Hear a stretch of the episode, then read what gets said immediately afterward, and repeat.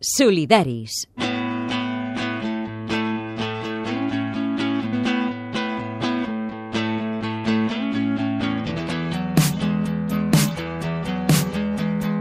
I ja el tenim aquí. Ahir Donald Trump jurava el càrrec de president dels Estats Units davant la protesta de grups pacifistes i antiracistes i sota estrictes controls policials per l'amenaça terrorista. I feia anys que el nomenament d'un president nord-americà no aixecava tanta polèmica a escala global, fins i tot abans d'assumir el càrrec. El personatge mediàtic ho ha eclipsat tot i ara són moltes les preguntes i les alertes que es plantegen les ONG i els defensors dels drets humans d'arreu del món. Del president dels Estats Units, l'èpica de Hollywood en diu el líder del món lliure. Quanta responsabilitat en un sol home. En l'home que és des d'avui el qui decideix sobre l'exèrcit, que mana al Pentàgon i que podrà moure els fils de la diplomàcia internacional d'un món que, paradoxalment, cada dia és menys pacífic i menys lliure.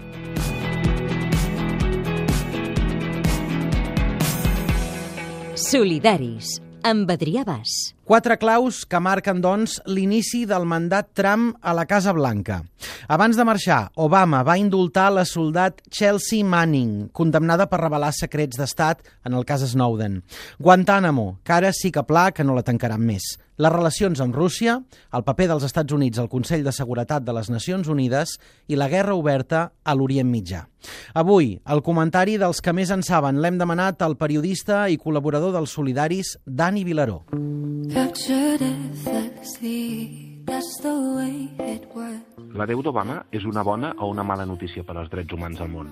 Si ens fixem en els últims temps de mandat, veiem que en pocs dies ha tret de Guantánamo 10 dels 50 presos encara tancats en el centre de detenció, o que ha commutat la presó a Chelsea Manning condemnada a 35 anys per la filtració de documents que revelaven greus abusos de drets humans per part dels Estats Units a l'Iraq. Però si ens fixem en la foto completa, la dels 8 anys, encara hi ha massa punts foscos i moltes assignatures pendents. El cas Manning, que ara acaba bé, per exemple, és especialment dolorós. L'acarnissament ha estat important. Manning ha patit aïllament, dos intents de suïcidi, dificultats per accedir a tractament mèdic. Revelar vulneracions de drets humans mai no hauria de ser delicte i Manning no hauria d'haver passat, per tant, ni un sol dia a la presó. Quan sigui alliberat el mes de maig n'haurà passat set.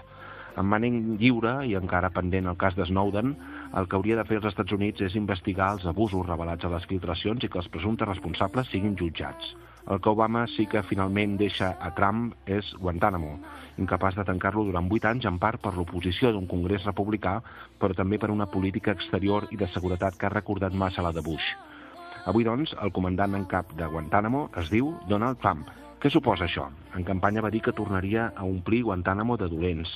Així, Trump ens mostra una possibilitat inquietant i real, tornar a utilitzar la tortura a gran escala en nom de la seguretat.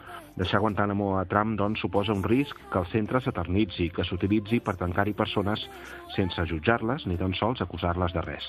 Qui ens assegura, per exemple, que Trump no recorrerà al centre per concretar la retòrica antiimmigració que va exhibir en campanya electoral? Què en direm de Trump a partir d'avui? El seu compromís previ amb els drets humans d'ell i de part del seu gabinet és dèbil quan no directament hostil. Veurem si passa de les paraules als fets, cosa que, al contrari d'Obama, en el seu cas seria una molt mala notícia. Loves me better than you. A Facebook, a Twitter i a catradio.cat, Solidaris, amb Adrià Bas.